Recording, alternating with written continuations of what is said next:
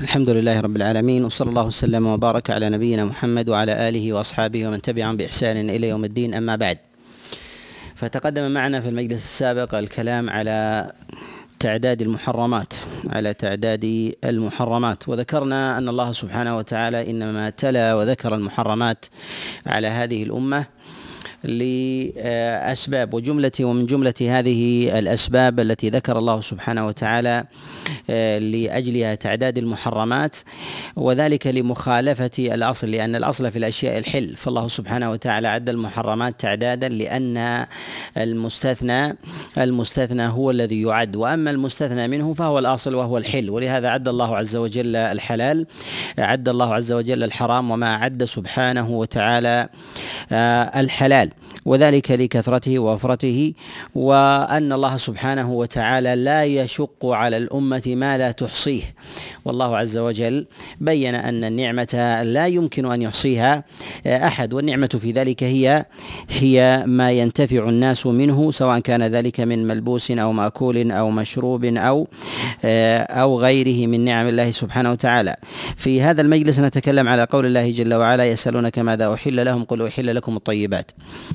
لما ذكر الله سبحانه وتعالى المحرمات ذكر الله عز وجل الطيبات وما أحل بها. ولله عز وجل آه، في ذلك في ذلك آه، طريقين في كتابه.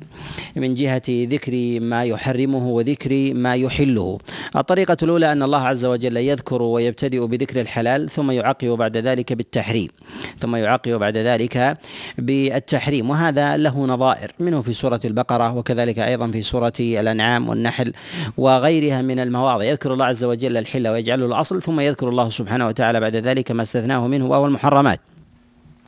والطريقة الثانية أن الله عز وجل يذكر ما حرم آه، على عباده كما في هذه الآية وفي هذا الموضع ثم يذكر الله عز وجل بعد ذلك ما أحل. ونجد أن الأصل في كلام الله سبحانه وتعالى أنه لا يذكر محرما إلا قرنه بأصل بالأصل الذي يمتن الله عز وجل به على عباده وهو وهو الحل. يعني أن الله لا يذكر محرما بعينه إلا وينص على حل غيره أو أو يشير إليه أو يشير إليه. فتكون الإشارة في ذلك إما ظاهرة وإما وإما خفية. والعلة في ذلك أن الله سبحانه وتعالى لا يذكر الحرام مجردا. وذلك أن النفوس طبعت على أن تعداد المحرم في ذهنها وذكره وسرده أنه يعطيه نوع نوع تشديد وتضييق ويشعرها بذلك ويغيب عنها المنة في الأصل وهو الحل. فذكر الله سبحانه وتعالى الحلال في سياق التحريم في سياق التحريم ويذكر الله عز وجل التحريم في سياق التحليل حتى يستحضر الإنسان عند ذكره للحرام أن الله امتن عليه بما هو أعظم بما هو أعظم منه وهو وهو الحل فلا يغيب عنه. وانشغال ذهن الإنسان بالحرام وتعداده هذا أمر يجبل عليه الإنسان. فإذا انشغل الإنسان بالحرام تفكر فيه حتى واقعه واقترفه ولهذا نجد أن الله سبحانه وتعالى لما أحل لآدم الجنة وحرم عليه شجرة واحدة منها لما استكثر من لما استكثر عليه إبليس آه، بذكرها أخذ يفكر فيها ويكثر من ذلك حتى حتى أكل منها. وقد جاء في بعض الإسرائيليات أن أن إبليس ما زال بآدم يصو يأتيه على صور متعددة. تارة على على صورة بقرة وتارة على صورة حية وتارة يأتيه على صورته يسول له الأكل بهذه الشجرة. فهذه الأشياء تدل على تدل على أن الإنسان إذا انشغلت نفسه بالمحرم ضاق عليه ذلك. ولهذا الله سبحانه وتعالى يذكر الحلال في كتابه أكثر من أن يعد من أن يعد الحرام. وإذا عد الحرام وذكره لا بد أن يقرنه أن يقرنه بحلال. وهذا فيه إشارة إلى أن هذا من بلاء النفوس الذي ابتلى الله عز وجل به عباده ليبتلي الله عز وجل العبد الصابر الممتثل المجتهد في أمر الله سبحانه وتعالى وامتثاله والانقياد له وعدم الانسياق إلى إلى شهوة النفس آه، ورغبتها. وكذلك أيضا فيه إشارة إلى أنه يجب على العلماء أن يسلكوا طريقه طريقة القرآن. طريقة القرآن عند ذكر المحرم. فإذا أراد الإنسان أن يبين محرما من المحرمات على العامة لابد أن يقرنه بما أحل الله عز وجل ووسع على عباده بما وسع الله عز وجل على على عباده. فإذا سئلوا عن منكوح محرم ذكر ما أحل الله لعباده من من أبواب المنكوحات. وإذا ذكروا عن أمر محرم من الملبوسات ذكر ما أحل الله من الملبوسات. وكذلك المطعومات والمشروبات والمسكونات وغير ذلك مما يستمتع به الناس مما يستمتع به الناس. سواء كان ذلك من حلي أو أواني أو صحائف أو غير ذلك فلا بد أن يقرنها بالحلال فإنها من طريقة القرآن ومنهجه وهو أسلوب رباني رباني. من تتبع مواضع الحرام في القرآن وجد ذلك. ثم أيضا نجد أن الله سبحانه وتعالى يشدد في كتابه على يشدد في كتابه على تحريم الحلال أكثر من تشديده من تحليل الحرام. ونجد هذا ظاهر في كلام الله سبحانه وتعالى كما في قول الله عز وجل يا أيها الذين آمنوا لا لا تحلوا طيبات ما أحل الله لكم. وقول الله سبحانه وتعالى قل من حرم زينة الله التي أخرج لعباده والطيبات من الرزق. وقول الله سبحانه وتعالى كذلك أيضا لنبيه عليه الصلاة والسلام يا أيها النبي لما تحرم ما أحل الله؟ لك. وهذا فيه إشارة إلى أن الله سبحانه وتعالى يشدد في تحريم يشدد في تحريم الحلال أكثر من أكثر من تحليل الحرام. وذلك لجملة من العلل وذلك لجملة من العلل. أول هذه العلل أن التحريم يشعر بشيء من التضييق والتعسير والتشديد للنفوس بخلاف بخلاف التحليل. فلهذا الله سبحانه وتعالى يتشوف إلى التيسير على عباده أكثر من أكثر من تشوفه على التشديد. ولهذا نجد أن القاعدة في ذلك في أبواب التيسير وأبواب الرحمة أنها غالبة على غالبة على على نقيضها. والله عز وجل يجري كل واحد منها على حكمة وبقدر بحكمة وبقدر وكذلك أيضا من هذه العلل أن التحريم يظهر فيه الظلم في حق الله وفي حق العباد في حق الله وفي حق العباد بخلاف التحليل. فإن تحليل الحرام يظهر فيه الظلم ويغلب في حق الله عز وجل لا في حق العباد. فالإنسان حينما يحرم عليه ما أحله الله عز وجل فإن هذا فيه ظلم من جهتين. الجهة الأولى في حق الله عز وجل أنه أحل. فنقضته الوجه الآخر أنك ظلمت العباد بمنعهم من حقهم. فيكون حينئذ الظلم من جهتين. وأما بالنسبة لتحليل الحرام وأما بالنسبة لتحليل الحرام فإنه يغلب فيه الظلم في حق الله وحده. الظلم في حق الله سبحانه وتعالى وحده. وذلك أن نفوس الناس في أبواب التحليل والتحريم لا تتشوف على أن يحلوا وأن يستبيحوا أموالهم فيما بينهم. ولكن ولكنهم يتشوفون إلى تحليل ما حرم الله مما لم يكن لحقوق العباد. ولهذا يحرصون على انتظام الدنيا ولا يتشوفون على انتظام الدين. ولهذا الله سبحانه وتعالى ذكر أن أكثر الناس لا يعقلون ولا يؤمنون ولا يشكرون. والسلعله هذه دليل دليل على أن التحريم تحريم ما أحل الله سبحانه وتعالى فيه ظلم ظلم من جهتين من جهة حق الله ومن جهة حق العباد. وأما ما كان من تحليل الحرام فإنه يغلب فيه الظلم في حق الله سبحانه سبحانه وتعالى. لهذا كان تحريم الحرام لهذا كان تحريم تحريم الحلال هو أعظم عند الله عز وجل من تحليل من تحليل الحرام. ومن القرائن كذلك أيضا أن تحريم الحرام تحريم الحلال له لوازم. له لوازم. ومن هذه اللوازم العقوبة بخلاف تحليل تحليل الحرام. فإن الإنسان بخلاف أن تحريم الحلال يلزم منه عقوبة وأما بالنسبة لتحليل الحرام فإنه لا يلزم منه عقوبة. وذلك أن الإنسان إذا اقترف محرما يعاقب عليه ولكن إذا كان حلالا تركه أو لم أو لم أو لم يتركه لا يثاب على لا يثاب على فعله ولا يعاقب على على تركه. والعقوبة نوع من حق الله سبحانه وتعالى. لا يعاقب عليها إلا الله عز وجل. سواء كانت العقوبة مقدرة أو كانت مضمرة فإن هذا من حق الله سبحانه وتعالى.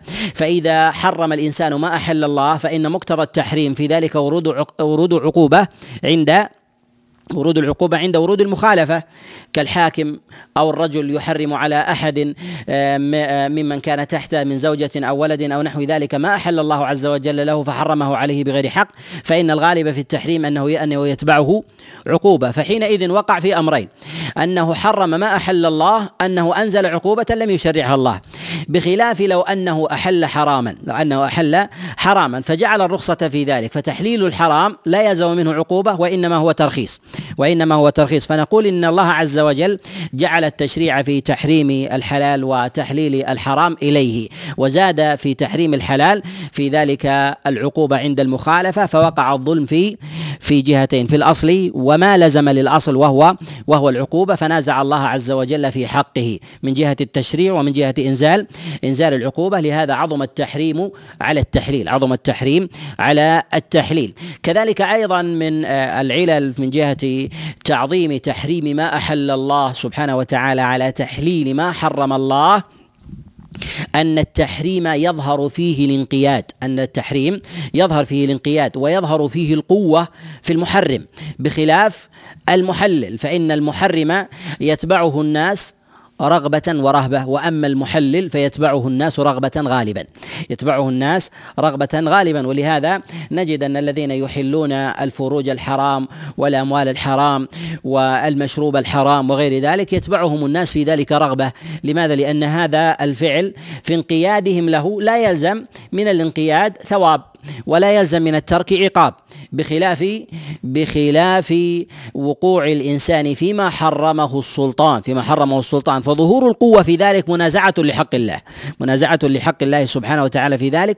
ولهذا نقول إن التحريم أعظم من التحليل لهذه لهذه الوجوه. ولهذا نجد التغليب في القرآن في التشديد على تحريم ما أحل الله أكثر من تحليل أكثر من تحليل ما حرم الله من تحريم من تحليل ما حرم الله لهذه لهذه الوجوه. ونجد أن الله سبحانه وتعالى إذا ذكر إذا ذكر التحليل يظهر في ذلك المنة يظهر في ذلك المنة. وإذا ذكر التحريم يظهر من ذلك نوع نوع تشديد أو نوع نوع عقاب نوع تشديد ونوع عقاب ولهذا حرم الله سبحانه وتعالى على على اليهود كل ذي ظفر وحرم الله عز وجل عليهم من البقر والغنم شحومهما. هذا نوع عقوبة هذا نوع عقوبة. بخلاف التحليل فإنه فإنه نوع من التيسير فإنه نوع من التيسير ولهذا غلظ التحريم أشد من تغليظ من تغليظ التجاوز على التحليل مع كونهما آه، تشريعا لله سبحانه وتعالى تحاط. ولهذا يجب على العلماء أن يسلكوا منهج القرآن أن يسلكوا منهج القرآن في تبيين الحلال والحرام وحفظه وبيان منزلته وكذلك طريقة القرآن عند ذكر آه، الحرام أن يقرنوه بالحلال ويبين للناس المخارج في ذلك فإن سرد الحرام على الأذهان والنفوس يجعلها يجعلها تشعر بتشديد يجعلها تشعر بتشديد وذلك أن الأصل أنه كل ممنوع مرغوب والنفوس لا تتشوف لي للمسموح. وقد ذكر بعض قد ذكر بعض آه، العلماء آه، أن أنه لو منع الناس من من البعر لرغبوا بفته لرغبوا بفته يتشوفون إلى الممنوع ولو لم يفكروا ولو لم يفكروا بذلك. وهنا في قول الله عز وجل يسألونك ماذا أحل لهم؟ قل أحل لكم الطيبات. ذكر الله سبحانه وتعالى سؤالهم ما أحل الله عز وجل لهم. ويحتمل في ذلك السؤال إما أن يكون منطوقا وإما أن يكون مضمرا في النفوس يتشوفون إلى إلى معرفة السؤال. والله عز وجل عنده المنطوق وما ما وما تكنه ضمائر النفوس سواء. ولهذا الله سبحانه وتعالى قد يجيب على سؤال تخطو يخطر في النفوس أو أو ينعقد في النيات ولو لم ينطقوا به. ونأسب ذلك أن يكون بعد ذكر الحرام. لما عد الله عز وجل الحرام ربما وجد في بعض النفوس ماذا أحل الله؟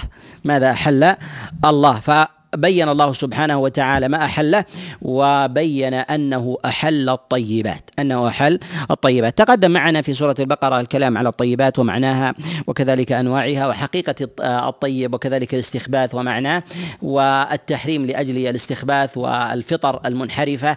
وهل تنحرف الفطرة في في تطيب المستخبث واستخباث الطيب في ذلك؟ وتقدم الإشارة معنا إلى هذا مما يغني عن إعادته هنا. هنا في قول الله سبحانه وتعالى قل أحل لكم الطيبات وما علمتم من الجوارح مكلبين. آه، هنا في تخصيص آه، آه، حل الصيد ما كان من الجوارح. ذكر الله سبحانه وتعالى آه، الصيد آه، في صدر ما أحل الله عز وجل من الطيبات. وهذا يحتمل أن يكون سألوا عنه نصا ويحتمل أن يكون وجد في نفوسهم. أنه وجد وجد في نفوسهم فبينه الله سبحانه وتعالى له. فبينه الله عز وجل آه، له لهم اتماما للدين واحكاما ل واحكاما لشريعة الله سبحانه وتعالى. وهنا في قول الله عز وجل وما علمتم من الجوارح مكلبين تعلمون تعلمونهن مما علمكم الله فهنا لطيفة وهي في قول الله عز وجل وما علمتم من الجوارح مكلبين تعلمونهن مما علمكم الله. في قوله سبحانه وتعالى مما علمكم الله. ذكر الله عز وجل التعليم أنه من الله حتى تعليم الكلب من الله. وهذا في إشارة إلى أنه يجب أن أن تكسر النفوس. ولهذا ربما يغتر الإنسان بعلمه وما اتاه الله عز وجل آه، من علم. فإن من أعظم ما يورث الإنسان الطغيان والبغي والظلم هو أن يشعر أنه اكتسب العلم من عنده. فبين الله عز وجل في سياق الحل آه، في سياق الحل أنكم حتى العلم الذي علمتموه الكلاب أنا علمتكم إياه. فليس لكم في ذلك فليس لكم في ذلك منه ولا ولا فضل. ولهذا كان كفر قارون سببه في ذلك. أوتيت على علم عندي فظن أنه كسب ذلك المال بعلم وحذق مادي ودراية. وغاب عنه ما من ما غاب عنه منة الله سبحانه وتعالى. وهنا لما ذكر الله سبحانه وتعالى نعمة العلم هذا في إشارة أيضا إلى لطيفة أخرى إلى أن نعمة العلم أعظم من نعمة من نعمة الأكل أعظم من نعمة الأكل والطعام والشراب. وذلك أن الله سبحانه وتعالى بينها قبل أن يبين حل حل الصيد. وفيه إشارة إلى أنه يجب أن تشكر الله على نعمة العلم الذي وهبك إياه حتى تصدره إلى غيرك فينتفع به ولو كلبا. قبل أن تنتفع من الصيد الذي أن تنتفع من الصيد الذي الذي تصيده. وفي هذا إشارة إلى أن من كفر نعمة العلم يلزم من ذلك أن يكفر نعمة نعمة الطعام والشراب. ومن شكر نعمة العلم فإنه أولى بأن يشكر نعمة نعمة الطعام الطعام والشراب. وفي هذا أيضا أنه ينبغي للإنسان في كل مسألة يعلمها ولو كانت يسيرة أن يكلها إلى الله شكرا واظهارا للامتنان وافتقارا. فإن الله عز وجل كما يبارك للشاكر في رزقه إن شكر بحفظه وزيادته فإن الله عز وجل يبارك له في علمه كذلك يبارك له في في علمه كذلك فيرزقه من العلم والفهوم والفتوحات والتأمل والتدبر ما لا يكون ما لا يكون عند عند غيره. وينطبق على ذلك قول الله جل وعلا إن شكرتم لأزيدنكم. والشكر في هنا لكل نعمة ومن أعظم النعم هي نعمة نعمة العلم وأعظم نعمة العلم في ذلك هي نعمة الإيمان فلا يؤمن الإنسان إلا بعلم. علم مطبوع طبع عليه الإنسان أو علم نزلت به الشريعة على رسول الله صلى الله عليه وسلم فبلغها غيره فعبدوا الله كما أراد الله. فهذا من أعظم من أعظم النعم. وقول الله عز وجل هنا وما علمتم من الجوارح. وما علمتم من الجوارح. هنا ذكر الجوارح المعلمة. ذكر الجوارح المعلمة. قال وما علمتم من الجوارح. وهل يخرج من هذا التقييد علمتم من الجوارح الجوارح التي ربما تتعلم بطبعها تتعلم بطبعها. لا يخرج من ذلك باعتبار أن الأصل أنه لا بد أن تعلم من أن تعلم من من الإنسان. والمراد بذلك أنه ربما تتعلم بعض البهائم من بعض. يتعلم كلب الصيد من من من كلب آخر يتعلم الصيد ونحو ذلك. فهل آه، ممكن هذا؟ نعم ممكن. ونقول هذا هو علم. علم ولو تعدى فإنه يرجع إلى إلى تعليم الإنسان يرجع إلى تعليم الإنسان. فنقول هو مما علمه. قال مما علم وما علمتم من الجوارح. هنا يدخل فيه عموم الجوارح. يدخل فيه عموم الجوارح. وذكر الوصفين هنا التعليم والجرح. في آه، في الحيوان آه، الصائد آه، دليل على اشتراط الوصفين. التعليم وإمكان التعليم والشرط الثاني أن يكون جارحا أن يكون أن يكون جارحا أي لا بد أن يكون معلما. فإذا كان جارحا ولم يكن معلما لم يكن حينئذ لم يكن حينئذ صيده حلال. لم يكن حينئذ صيده حلال. والعكس كذلك. فلا بد من توفر الشرطين التعليم و والجرح. ومعنى الجرح أنه ربما يكون معلما ولا يكون حيوانا جارحا. وذلك مثلا كالقرود. الإنسان يعلم القرد أنه يأتي مثلا ويصيد له ونحو ذلك لكنه ليس بجارحة. ربما قتل بخنق أو بضرب أو نحو ذلك أو بثقل. وحينئذ لا يقال بحل بحل صيده إذا لم يدركه الإنسان بالذبح إذا لم يدركه الإنسان بالذبح فلا بد أن يكون أن يكون معلما. وأن يكون جارحا وأن يكون أن يكون جارحا. والجوارح في في ذلك في قول الله عز وجل مكلبين. قيل إن المعنى في قول الله عز وجل مكلبين هو مشتق من الكلب وهو الشدة. والمراد بذلك هو الإغراء أن الإنسان يغري الطير أو الكلب بأن يذهب فيأمره وينهاه. فإذا أمره ائتمر وإذا نهاه انزجر قالوا قالوا أغراه. قالوا أغراه. كذلك أيضا فإن هذا إشارة إلى أنه يدخل في هذا الباب غير الكلاب سواء كان ذلك من الطيور بجميع أنواعها فإذا استطاع الإنسان أن يعلم طيرا وكان جارحا هذا الطير فإنه فإنه يدخل في هذا الباب يدخل في هذا في هذا الباب. ولهذا نقول إن الأصل في ذلك هو عموم حل صيد الجوارح المعلمة. صيد الجوارح المعلمة وذلك من وجوه عدة.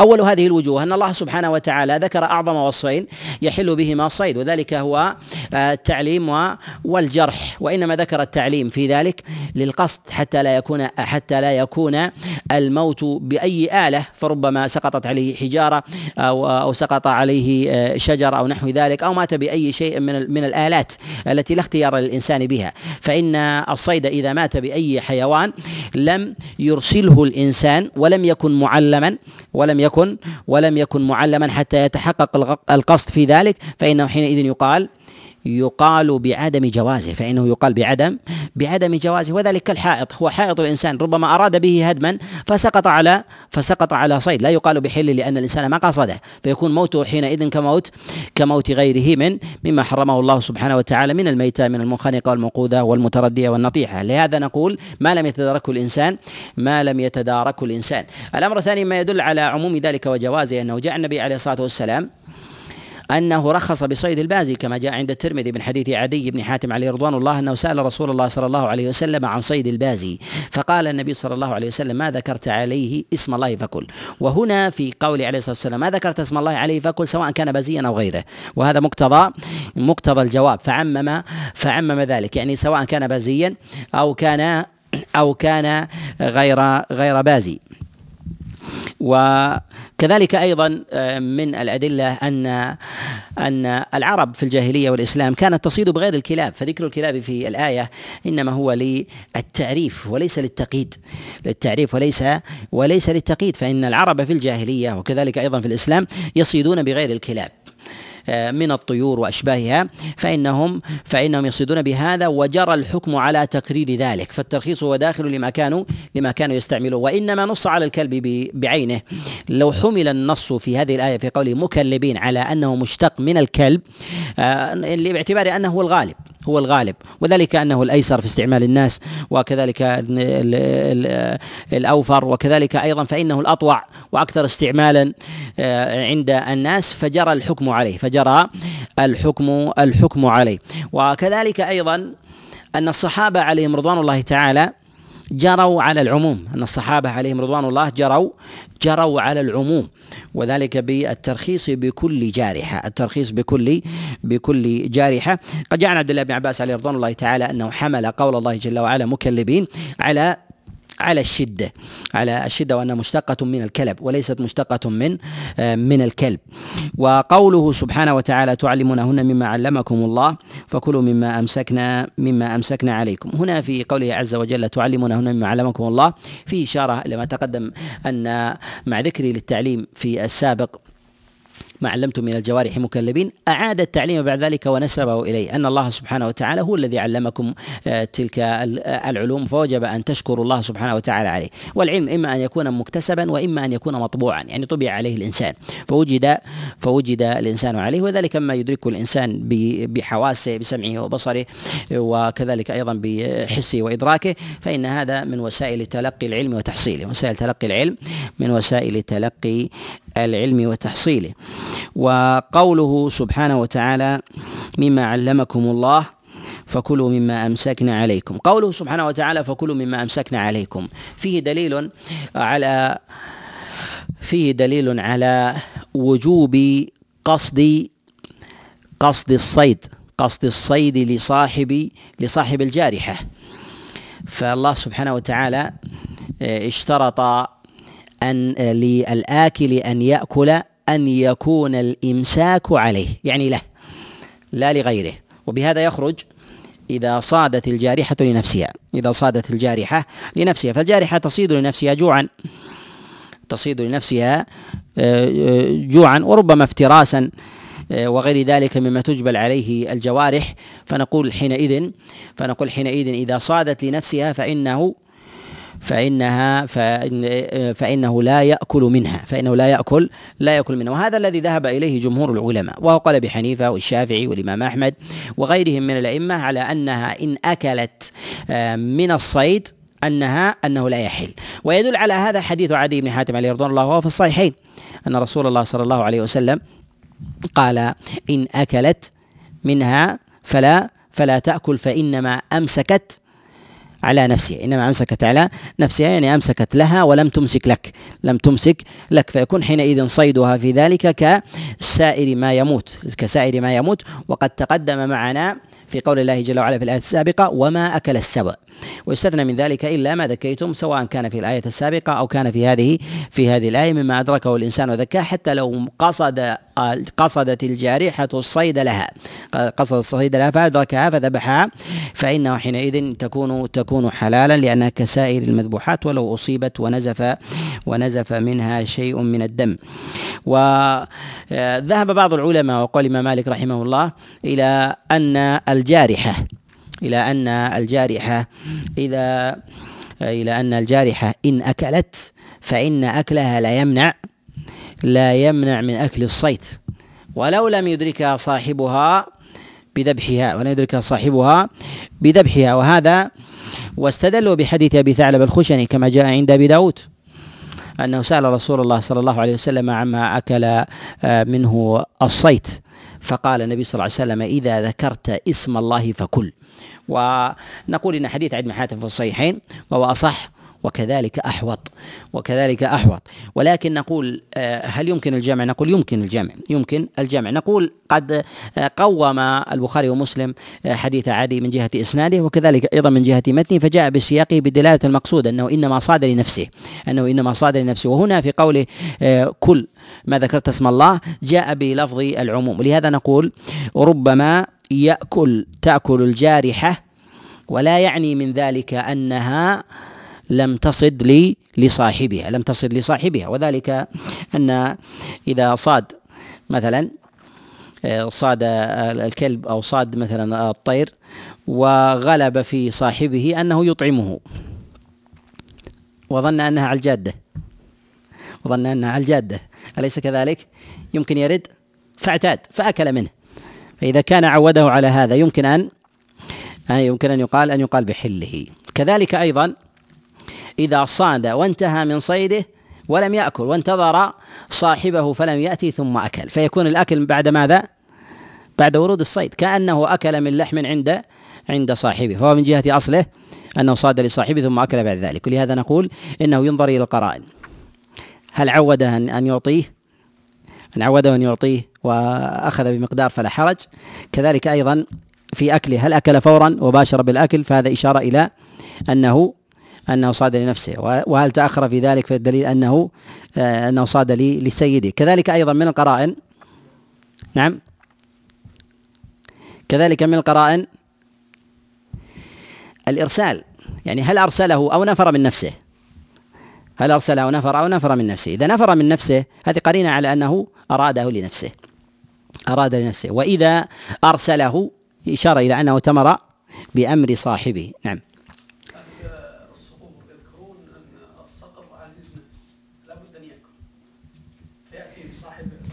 الله هذا أنتم أعلم.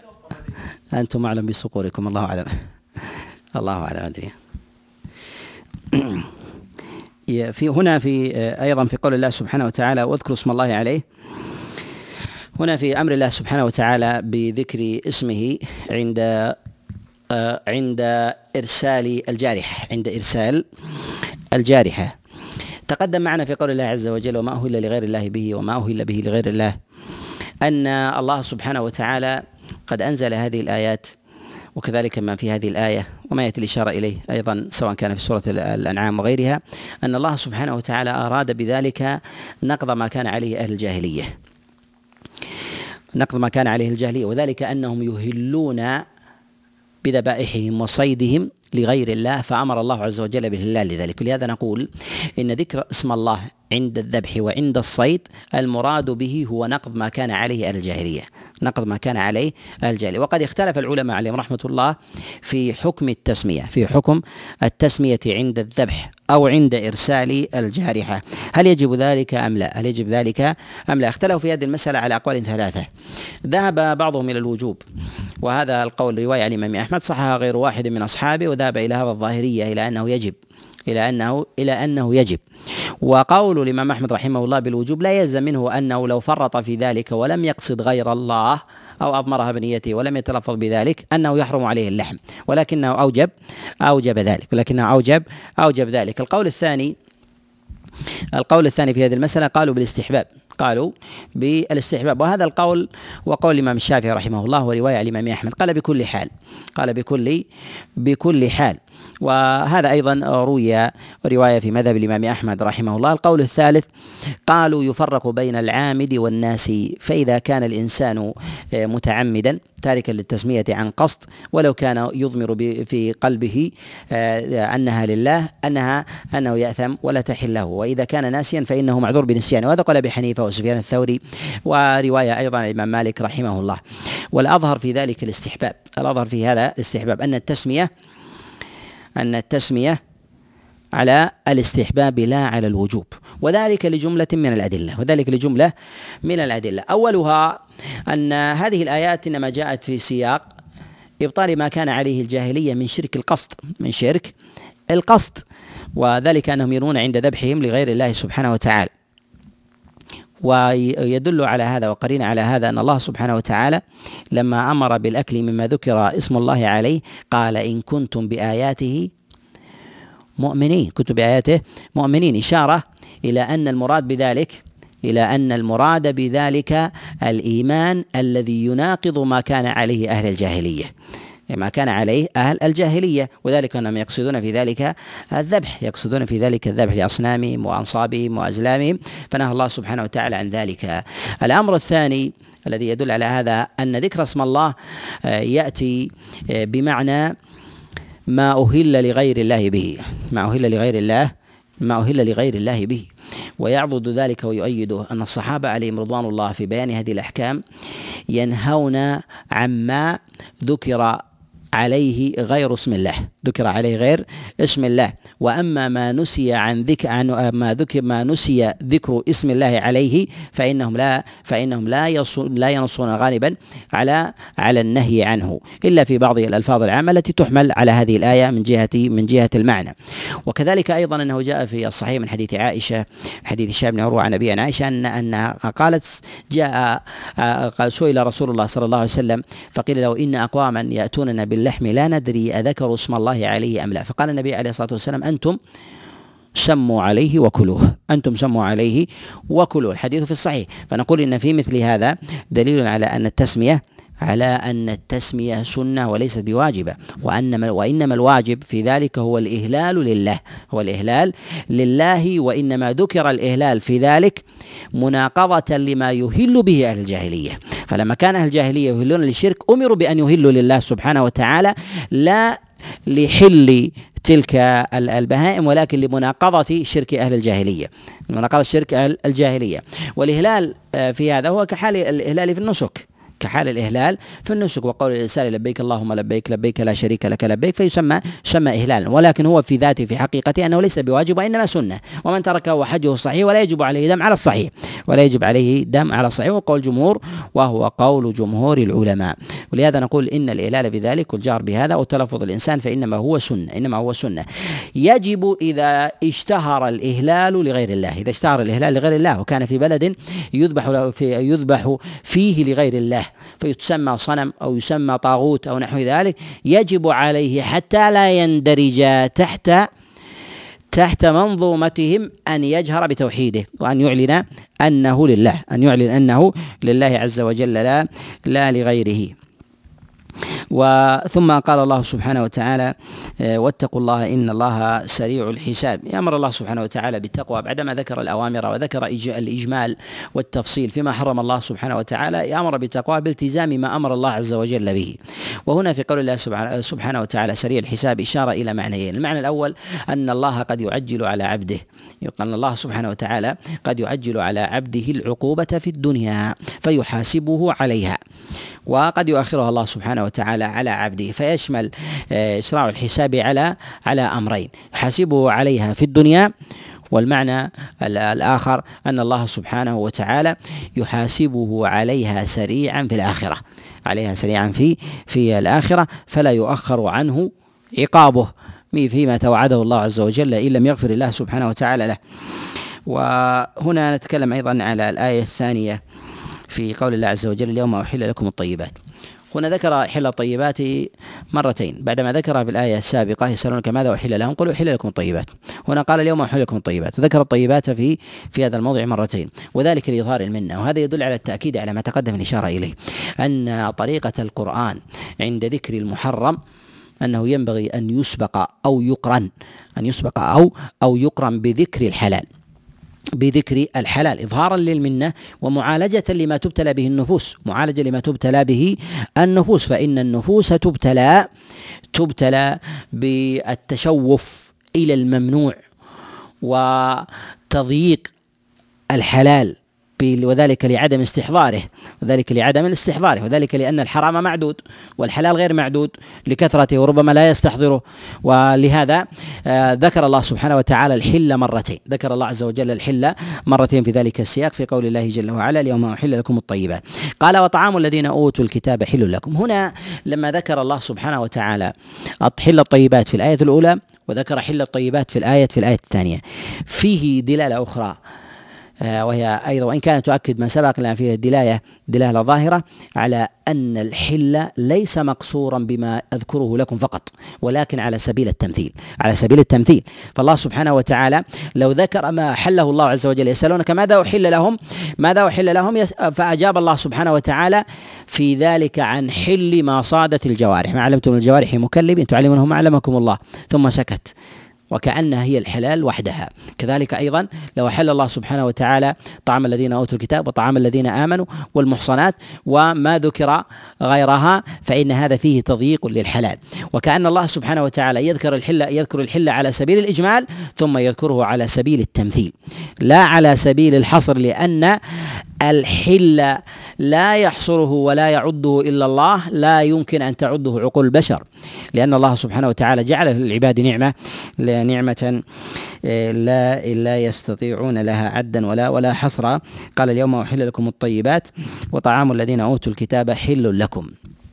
لما ذكر الله سبحانه وتعالى آه، الطيبات آه، ذكر طعام الذين أوتوا الكتاب حل لكم وطعامكم حل لهم. هنا قدم الله عز وجل طعام أهل الكتاب على طعام على طعام المؤمنين. والعلة فيما يظهر لي والله أعلم في ذلك أن أهل الإيمان أولى بالاستمتاع من من غيرهم. أن أهل الإيمان أولى بالاستمتاع بغيرهم. فذكر حل طعام أهل الكتاب لأهل الإيمان قبل أن يذكر حل طعام أهل الإيمان لأهل الكتاب. وذلك أنهم أولى أولى بالدنيا من غيرهم وأولى بالاستمتاع بالاستمتاع بها. فذكر الله سبحانه وتعالى ذلك وصدر حل طعام غيرهم لا لهم. فقوله سبحانه وتعالى وطعام الذين أوتوا الكتاب حل لكم وطعامكم حل لهم. وذكر الله عز وجل أهل الكتاب أهل الكتاب هم اليهود النصارى هم اليهود النصارى ولا خلاف عند العلماء في هذين الصنفين. ولا خلاف عند العلماء في هذين الصنفين. وإنما اختلفوا في بعض في بعض أصنافهما وما تفرع عنهما وما شابههما.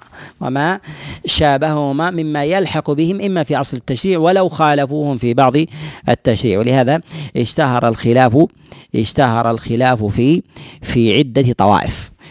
اشتهر الخلاف في عدة طوائف وذلك في في طعامهم وكذلك أيضا في نكاح نسائهم. هل يدخلون في هذا العموم أم لا؟ هل يدخلون في هذا العموم أم لا؟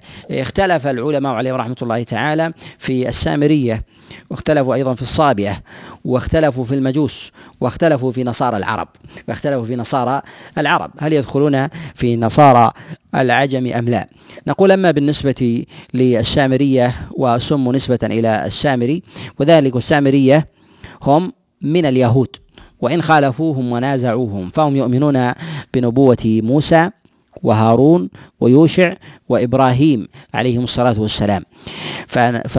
ويقرؤون كذلك أيضا ويقرؤون كذلك التوراة ولكنهم يخالفون اليهود في القبلة. فاليهود يتوجهون إلى بيت المقدس وهم يتوجهون إلى إلى جبل نابلس ويزعمون أن في هذا الجبل كلم الله عز وجل موسى. كلم الله عز وجل موسى وأن اليهود أخطأوا في ذلك فيخطئونهم في هذا. وقد جاء عن عمر بن الخطاب عليه رضوان الله تعالى أنه سئل عن السامرية. سئل عن السامرية عند البيهقي وقيل لهم إنهم يقرؤون التوراة ولا يصلون إلى بيت إلى بيت المقدس. وأنهم وأنهم لا يؤمنون بالبعث. فقال هم كاليهود. قال هم كاليهود وذلك لأن كتابهم التوراة ونبيهم موسى فألحقهم في ذلك ولو خالفوهم حتى في أصول حتى في أصول الدين حتى في أصول الدين فأخذوا فأخذوا حكمهم.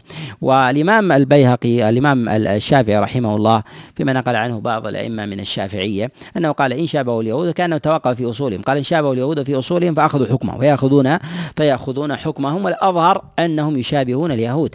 ومفارق خلفة في ذلك في آه، القبلة. ومخالفة في القبلة قديمة مخالفة في القبلة آه، قديمة وإلى اليوم هم آه، في ذلك يخالفون اليهود ولا ولا ينضمون أيضا تحت لوائهم ولا ينضمون تحت لوائهم. وأما بالنسبة لنصارى العرب ونصارى تغلب فقد اختلف فيهم. فجمهور العلماء من من السلف على أن نصارى تغلب ونصارى العرب ك كغيرهم من نصارى العجم وأن الله عز وجل أحل نكاح نسائهم وكذلك أحل طعامهم.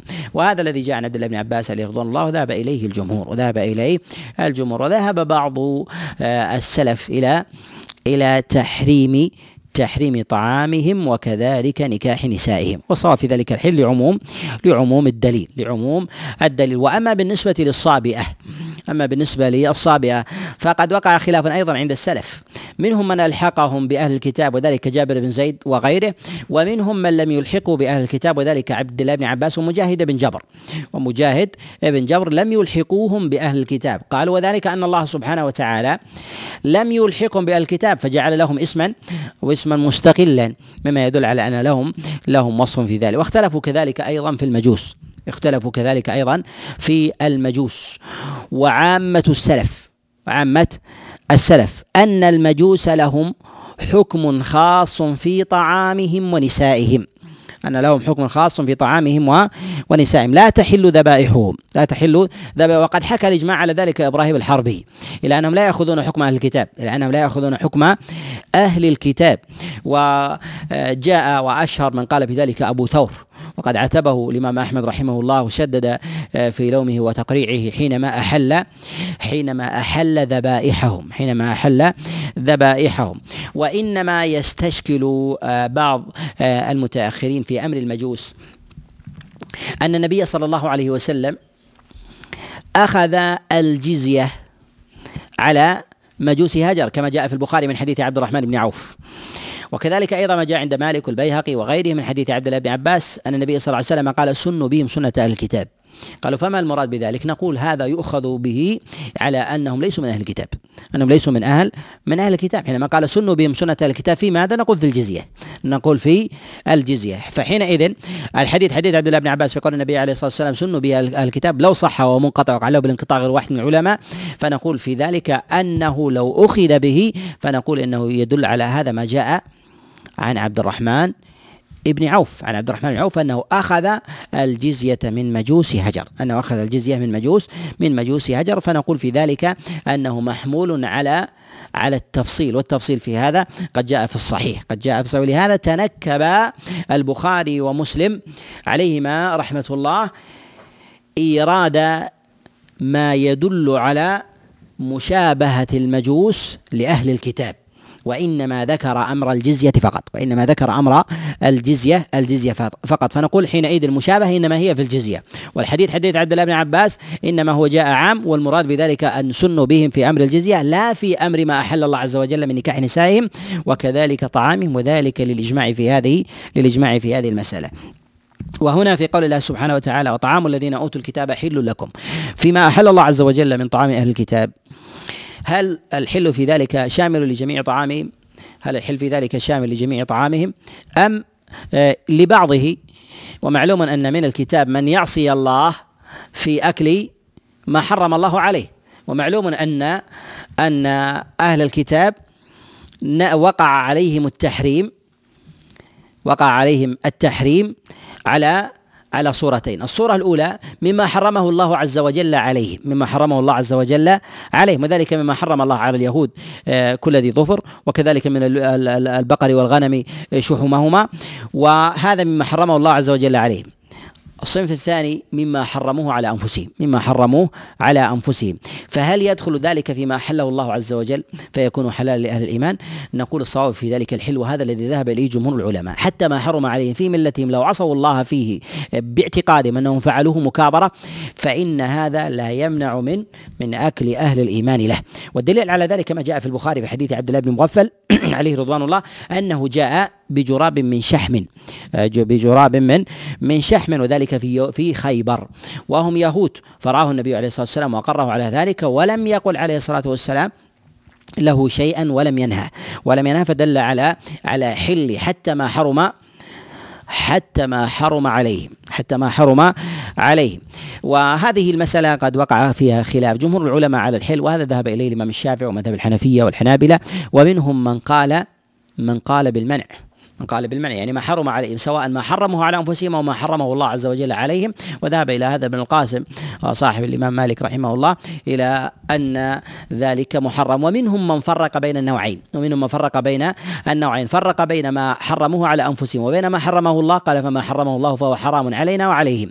وما حرموه على أنفسهم فهو حلال فهو حلال لنا وإن حرموه على أنفسهم. وذهب إلى هذا أشهب وذهب إلى هذا أشهب والامام مالك رحمه الله في هذه المسألة آه، في هذه المسألة قولان. والأرجح مذهب إليه جمهور العلماء وعضدة الظاهر الآية هو الإطلاق أن الله عز وجل أحل طعام أهل الكتاب عموما سواء كان سواء كان ما حرم عليهم أو ما أو ما حل. فالحكم بذلك سواء للعموم. وقال الله عز وجل وطعام الذين أوتوا الكتاب حل لكم.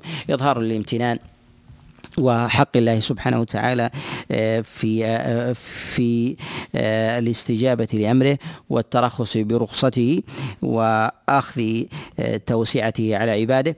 وهنا في قوله جل وعلا وطعامكم حل لهم ثم ذكر الله سبحانه وتعالى ما حله الله عز وجل لأهل الإيمان. فيه إشارة هنا إلى عزة الصحابة عليهم رضوان الله إلى عزة الصحابة عليهم رضوان الله تعالى فإن ظاهر الآية أنهم يجدون في نفوسهم يجدون في نفوسهم من أن يؤخذ مالهم منهم ولو كان ولو كان عن طريق الهدية أو العطية أو نحو ذلك وذلك لغير لغير صاحب الدين لغير صاحب الدين والشريك وذلك من اليهود والنصارى. فبين الله سبحانه وتعالى لهم أن طعامكم كذلك أيضا حل من جهة العطية كذلك الهدية الإطعام دعوتهم إلى الوليمة. فأيضا أن الله عز وجل أحل أحل ذلك لهم أحل ذلك لهم فلا يجدوا في أنفسهم حرجا ولا يجدوا في أنفسهم حرجا. ومعلوم أن الخطاب هنا في قول الله عز وجل وطعامكم حل لهم ليس لأهل الكتاب. ليس لأهل الكتاب. ومعلوم أن الكتاب لا يخاطبون بالفروع لا يخاطبون بالفروع حتى يقروا بالأصول ويتبعوها. وإنما الخطاب هنا هو لأهل الإيمان. أن طعامكم الذي عندكم أحله الله عز وجل لكم أن تعطوهم إياه فيتملكوه بعد ذلك. وهنا في قوله جل وعلا وطعامكم حل لهم. يعني إن أعطيتم إياه فيتملكونه إمعان بالتحليل إمعان بالتحليل حتى لا تأخذوه منهم إذا إذا أخذوه وتملكوه سواء كان طعاما أو شرابا أو كان ذلك لباسا أو كساء أو غيره أو غير ذلك. قال وطعامكم حل لهم آه، والمحصنات من المؤمنات والمحصنات من الذين أوتوا الكتاب من قبلكم. ذكر الله سبحانه وتعالى آه، أن الطعام يكون فيه المبادلة وأما بالنسبة للنساء فإن الله سبحانه وتعالى أحل لأهل الإيمان المؤمنات ونساء أهل الكتاب. نساء أهل الكتاب. وما ذكر أن نساء أهل الإيمان حل لأهل حل لأهل الكتاب. وذلك لما تقدم معنا في سورة سورة البقرة. تقدم الإشارة إليه وتقدم أيضا الإشارة إلى هذه الآية. هل تلك الآية آه، هي عامة وهذه ناسخة أم أم يؤخذ بعموم تلك وهي ناسخة لهذا؟ فنقول إن تلك آية نزلت على المشركين والمثنيين وهذه الآية إنما كانت في أهل إنما كانت في أهل الكتاب. إنما كانت في أهل الكتاب. وحتى من قال ب آه، حتى من قال بالعموم والخصوص فإنه لا يخالف في أصل الحكم لا يخالف في أصل الحكم فيجعل هذه الآية مخصصة للآية للآية السابقة مخصصة للآية السابقة حتى لو أطلق على أهل الكتاب الشرك وهذا جاء التخصيص في ذلك عن بعض السلف. ومروي عن عبد الله بن عباس عليهم رضوان الله تعالى ومنهم من قال أن تلك الآية للوثنيين وهذه الآية لأهل الكتاب هذه الآية لأهل لأهل الكتاب. وإنما جعل الله سبحانه وتعالى الطعام متبادل جعل الله عز وجل الطعام متبادل وجعل الله عز وجل نكاح أهل الكتاب للمؤمنين حلال ولم يجعل نساء الإيمان للمشركين أو لأهل الكتاب لأهل الكتاب حلال وذلك لأن القوامة للرجال وذلك لأن القوامة القوامة للرجال. والإنسان آه، حينما آه، يزوج امرأة فالقوامة فالقوامة له. فإذا تزوج الرجل يهودية أو نصرانية فالقوامة له. فله له اليد وله السلطان بخلاف الكتاب. إذا تزوج مسلما فهو الآمر وهو وهو الناهي وليس للكافرين سلطان على أهل على أهل الإيمان. كذلك أيضا فإنه لا مشابهة لا مشابهة بين الطعام وبين الفروج. وذلك أن الطعام حتى الإنسان المسلم لو أنفق أو أهدى أو أطعم الكتابي فالمنة له لأنه المتفضل ويده العليا لأنه المتصدق. والمتصدق وهو وهو الممتن عليه بخلاف النكاح. بخلاف النكاح فإن القوامة في ذلك للرجال والمنة في ذلك متبادلة والقوامة في الرجال لا في النساء. ولهذا جعل الله سبحانه وتعالى الأمر متباين في الأمر متباين في ذلك وذلك للكرامة الدينية وذلك للكرامة آه، الدينية. وقول الله سبحانه وتعالى والمحصنات من المؤمنات والمراد بالمحصنات في ذلك هن العفيفات. هن العفيفات في هذا دلالة ويأتي الإشارة يعني إلى هذا أيضا معنا في سورة النور بإذن الله عز وجل. هنا إشارة إلى أنه يحرم بدلالة المفهوم دلالة الخطاب إلى أنه يحرم نكاح الزانية. يحرم نكاح الزانية. وهذا مما لا خلاف عليه إلا بشرطين. الشرط الأول أن أن تتوب. أن تتوب. والشرط الثاني أن تستبرئ رحمها أن تستبرئ رحمها. فإذا استبرأت رحمها وتابت فإنها تكون حينئذ عفيفة. فإن حينئذ تكون عفيفة بعد توبتها وتحققها. وتزوج على أنها وتزوج كذلك على أنها على أنها محصنة لا أنها اقترفت إثما. لا أنها قد اقترفت اقترفت إثما وتقدم معنا التدليل على هذه بعض المواضع عن عمر بن الخطاب عليه رضوان الله تعالى أن أن رجلا جاءه فقال له إن ابنتي زنت. ثم إنها تابت ولزمت الصلاة والقرآن فإن وإنها خطبت إليه فهل أزوجها على أنها صالحة أم أزوجها على أنها زانية؟ فقال زوجها على أنها صالحة. فأعاد عليه فأعاد عليه. فقال عمر زوجها على أنها صالحة وإلا أوجعت ظهرك. يعني أن التوبة تجب ما قبلها التوبة تجب ما قبلها. وهذا لهذا نقول إنها محصنة وإنها عفيفة إذا تحققت إذا تحققت توبتها. قال هنا والمحصنات من المؤمنات والمحصنات من الذين أوتوا الكتاب. بهذا نعلم أن نكاح البغي والزانية من الكتاب من أهل الكتاب محرم محرم. وذلك أن الله عز وجل قيد الحل ب قيد الله سبحانه وتعالى الحل هنا بالإحصان بالإحصان. وقد نهى عمر بن الخطاب عليه رضوان الله تعالى عن ذلك. حتى حتى لا ينكح الناس المومسات. وقد نهى حذيفة بن اليمان عليه رضوان الله تعالى. ونقول إن هذه المسألة من جهة حل نكاح على الكتاب. نقول عامة السلف عليهم رحمة الله على ذلك. وقد حكي الإجماع على هذا إلا ما جاء عن عبد الله بن عمر. فقد جاء عن عبد الله بن عمر أنه منع من ذلك. رواه عنه نافع عن عبد الله بن عمر ورواه أيضا ميمون عن عبد الله بن عمر عليه رضوان الله تعالى. فتارة يستدل بما في بآية بآية سورة البقرة ولا تنكحوا المشركات. وتارة يقول عليه رضوان الله تعالى لا أعلم شركا أعظم من أن تقول عيسى أو ربي ربي عيسى. وهذا فجعل ذلك داخلا في عموم الشرك وكأنه جعل آه، آية البقرة ناسخة لهذه الآية هذه الآية ولم يوافق على هذا ولم يوافق على هذا. بل جاء عن بعض العلماء حكاية الإجماع على هذا وأنه لم يثبت عن أحد من الأوائل كما جاء ذلك عن ابن المنذر. كما جاء ذلك عن ابن المنذر فنقول الأصل في هذا في هذا الحل. ولكن بالنسبة لمسالك الصحابة المروية عن ذلك آه، في من قال بالحل وهم العامة لهم في ذلك لهم في ذلك آه، مسلكان. المسلك الأول الحل بإطلاق آه، من غير تقييد من غير تقييد. المسلك الثاني وهذا قول الجماهير جماهير السلف من الصحابة والتابعين. القول الثاني تقييد ذلك بغير الحربيين بغير الحربيين. وهذا جاء عن عبد الله بن عباس. وجاء عن عبد الله بن عباس عليه رضوان الله تعالى. ونقول الآية دالة على العموم. وأما بالنسبة للنكاح الحربي وغيره نقول هو متعلق بغير الوطأ. ومتعلق حكم يتعلق بغير الوطأ. فمن نكح حربية نكاحه إذا توفرت الشروط وانتفت الموانع فهو صحيح. وأما أثره في ذلك فنقول حينئذ فنقول في ذلك هو هو محرم لهذه العلة ومحرم لهذه لهذه العلة إذا كانت العلة تضر بأهل الإيمان إذا كانت تضر بأهل الإيمان. وإذا كانت لا تضر بأهل الإيمان فالأصل عموم الحل كأن يتزوج الإنسان قريبة له من قوم محاربين قريبة له من قوم محاربين وهذا يقع.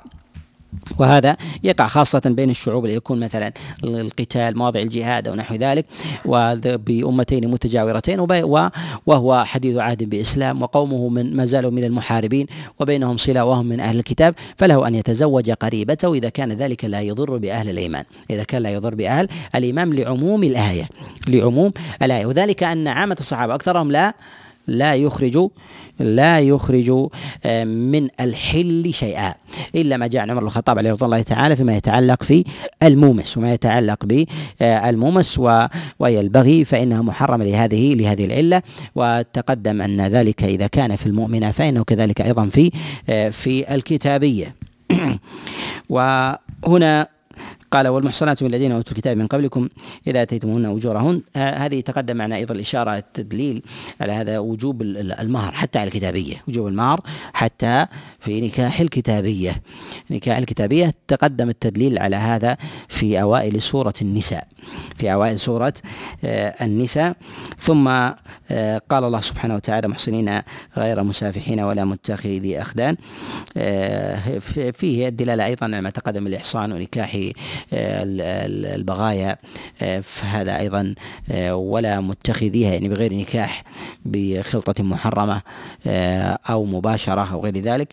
وهنا في إشارة لما ذكر الله سبحانه وتعالى حل النكاح ذكر اتخاذ الأخدان ذكر اتخاذ الأخدان. وهنا كأنه إشارة إلى تعليل أن الإنسان لا ينصرف إلى نكاح الكتابية ما وجد سبيلا إلى مؤمنة ما وجد سبيلا إلى إلى مؤمنة. وذلك كنكاح وذلك كنكاح آه، الحرة كنكاح الحرة. إذا وجد الرجل حرة فيتزوج فيتزوجها وإذا لم يجد حرة فينصرف إلى الأمة. ولو تزوج الأمة وهو وهو يجد حرة لم يأثم بذلك.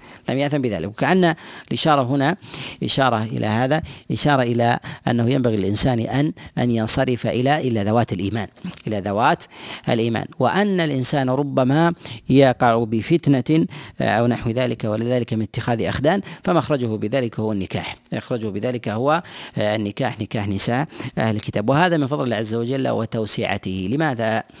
أن أكثر الكفر في أهل الكتاب أن أكثر الكفر في أهل في أهل الكتاب وأن الكفر في غيرهم دونهم دونهم كثرة وذلك من الوثنيين أو الملاحدة أو الزنادقة أو غير ذلك من المجوس أو كانوا أيضا من الصابئة أو غير ذلك فهم فهم بالنسبة لأهل الكتاب قليل. فالله عز وجل جعل في ذلك توسعة خاصة في الشعوب والبلدان الذين يمتزجون بأهل الكتاب أو الأقليات الذين مثلا يجدون في أوساطهم فيكون في ذلك نوع توسعة. فيكون في ذلك نوع توسعة عليهم قال الله عز وجل ومن يكفر بالإيمان فقد حبط عمله.